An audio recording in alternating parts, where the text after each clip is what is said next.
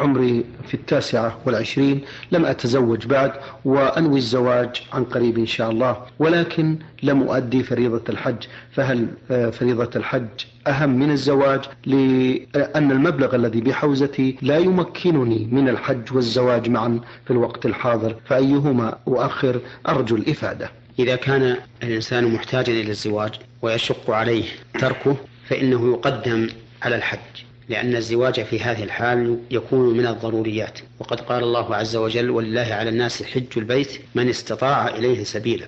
والإنسان الذي يكون محتاجا إلى الزواج يشق عليه تركه وليس عنده من النفقة إلا ما يكفي للزواج أو الحج ليس مستطيعا إلى البيت سبيلا فيكون الحج غير واجب عليه فيقدم النكاح أي الزواج على الحج. وهذا من تيسير الله سبحانه وتعالى على عباده أنه لا يكلفهم من العبادات ما يشق عليه حتى وإن كان من أركان الإسلام كالحج. ولهذا إذا عجز الإنسان عن الصوم عجزا مستمرا كالمريض الذي لا يرجى برؤه والكبير فإنه يطعم عن كل يوم مسكينا.